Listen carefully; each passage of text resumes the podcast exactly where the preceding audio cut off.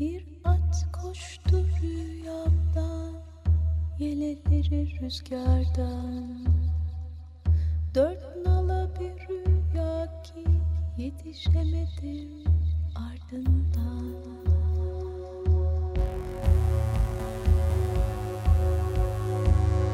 Ebedi yok oluş. Forever extinct. Hazırlayan ve sunanlar Virginia Patrone ve Çiğdem Fidan.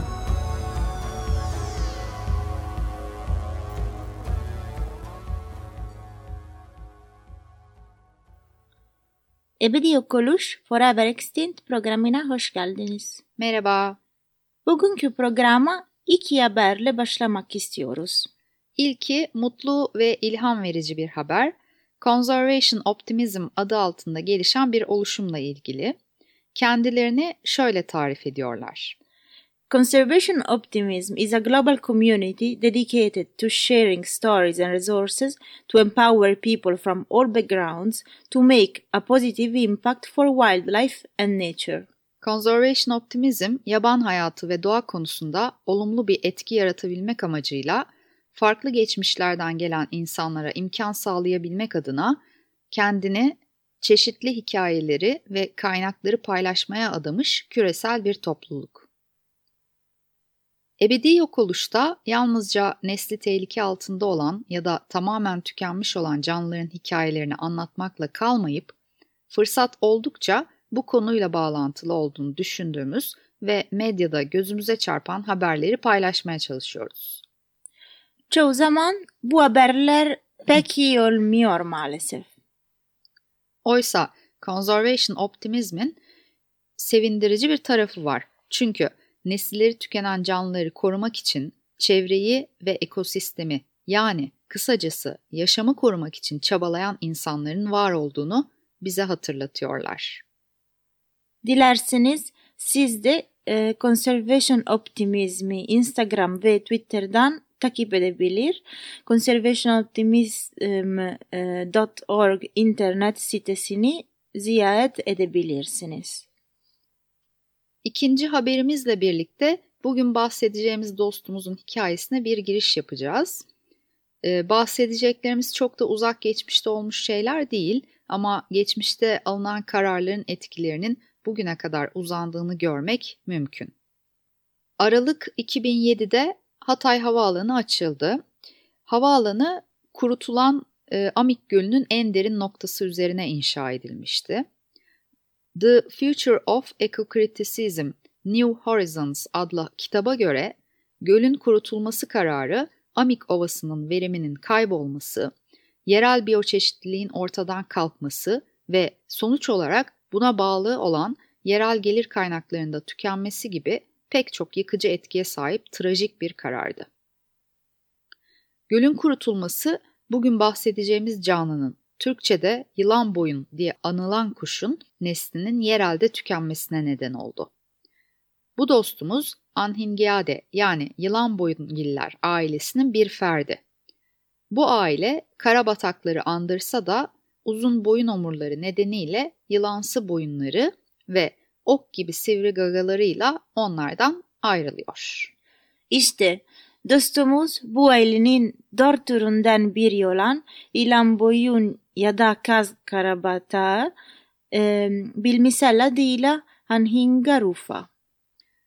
Dünyada Amerika, Afrika, Hindistan, Avustralya ve Yeni Gine'de görülen yılan boyunlar 1960'lara kadar Türkiye'de de görülüyorlardı. Yılan boyunun yaşam alanlarını tropik ve yarı tropik denizler, göller, havuzlar, lagünler, rezervuarlar, yavaş akan nehirler, akarsu ve bataklıklar gibi sulak alanlar oluşturuyor. Bu dostumuz dinlenmek için sudan çıkan veya suya inen dalları, yüzen kütükleri veya buna benzer yerleri tercih ediyor. E, sudan çıktığında kanatlarını açarak tüylerini kurutuyor. Çok derinlere dalamasa bile başarılı bir yüzücü. Zaten bu sayede de balık, yengeç, kabuklu ve diğer su canlılarıyla besleniyor. Erkekler çoğunlukla beyaz şeritli parlak siyah ama dişiler ve genç bireyler daha kahverengiye çalıyor. e, gaga ve gözler sarı. Boyu 80 ila e, 97 santim arasında değişebiliyor. Ayrılığı e, ise 1050 ila 1350 gram arasından değişiyor. Yabanda ortalama e, 16 yıl ömürleri var. Balıkla beslenen çoğu kuş gibi boynu oldukça uzun olmasına rağmen onu diğer su kuşlarından ayıran özelliği tüylerinin yağ içermeyişi. Dalma yeteneği çok gelişmemiş olduğu ve tüyleri yağ içermediği için sudan çıktıklarında uçmadan önce kanatlarını açarak kurutmaları gerekiyor. Yılan boyunların Türkiye'deki varlığına dair ilk kayıtlar 1882'de doğacı Henry Baker Tristram ve 1883'te ise arkeolog ve antropolog Ernest Chantre tarafından yayımlanan makaleler. 1910'da zoolog İsrail Aharoni'nin 20 e, civarında örneği Avrupa müzeleri için Amik'ten topladığı biliniyor.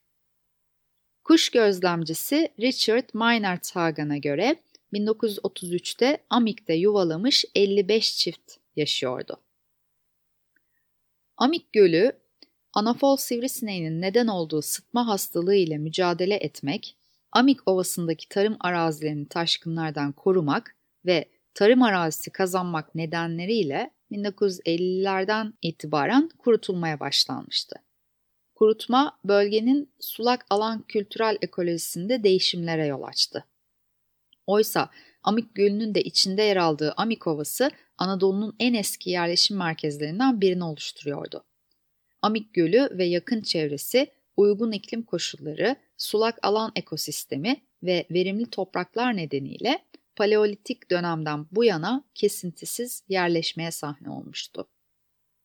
1950'lerde başlayan ve 1974'te tamamlanan bu süreç gölün tamamen kurumasına ve dolayısıyla yılan boyunların en kuzeydeki yuvalarının yok olmasına neden oldu.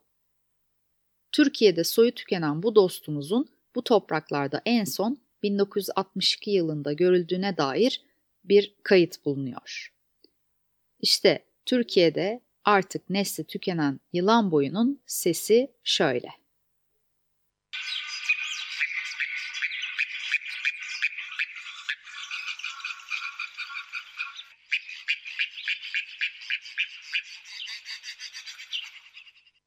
Programlarımızda canlıların nesillerin tükenme nedenlerini ele alıyoruz.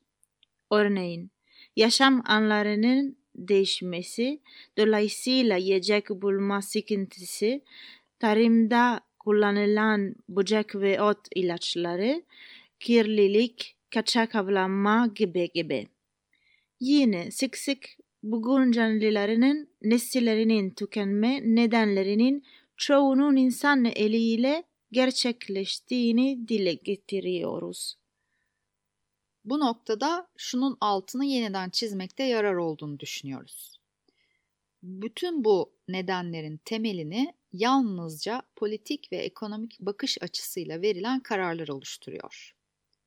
Amik Gölü'ne olan da bunun trajik örneklerinden biri.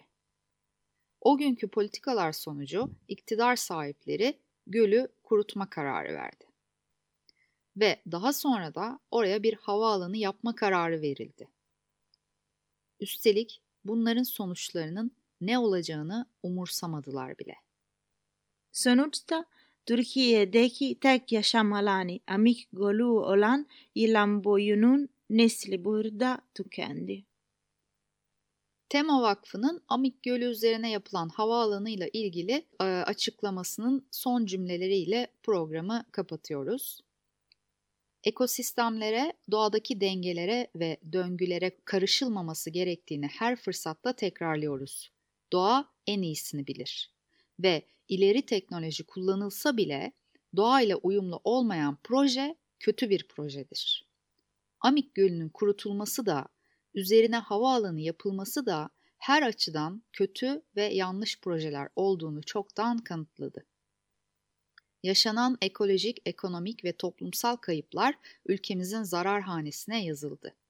Artık yapılması gereken bu yanlışlardan ders çıkarmak ve hatadan dönerek ekolojik restorasyonu sağlamanın yollarını aramaktır. Türkiye, doğayla uyumlu, akılcı ve ekoloji merkezli politikalara zaman kaybetmeden geçmelidir. Dinlediğiniz için çok teşekkür ediyoruz. Programın illüstrasyonlarını sosyal medyada paylaşacağız. Bize Instagram ve Facebook'tan ulaşabilirsiniz. Bugünkü şarkımız Nada'dan Ma che freddo fa. Ben Virginia Elena Patrone. Ben Çiğdem Fidan. Gezegendeki her şey çok güzelsiniz ve sizi seviyoruz. D'inverno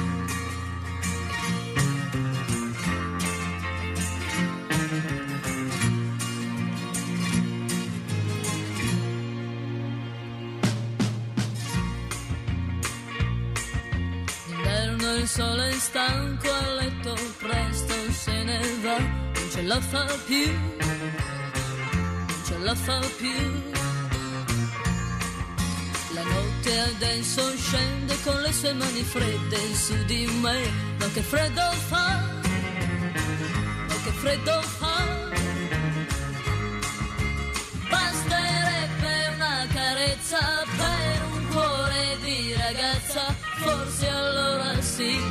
tell my lie.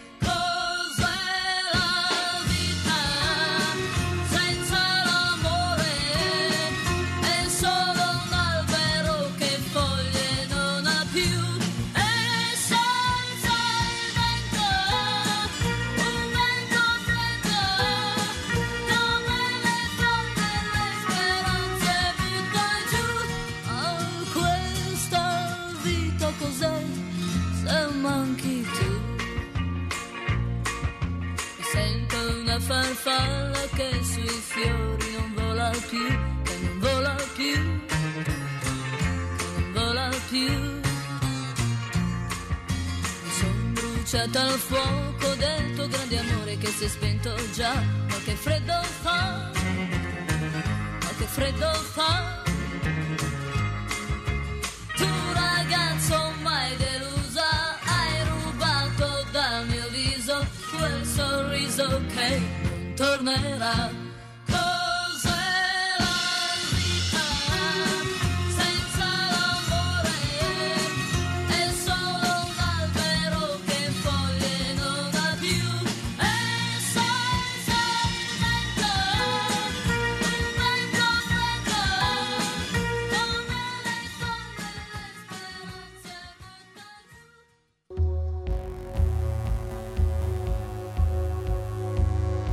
Ebedi yok oluş. Forever extinct. Hazırlayan ve sunanlar Virginia Patrone ve Çiğdem Fidan.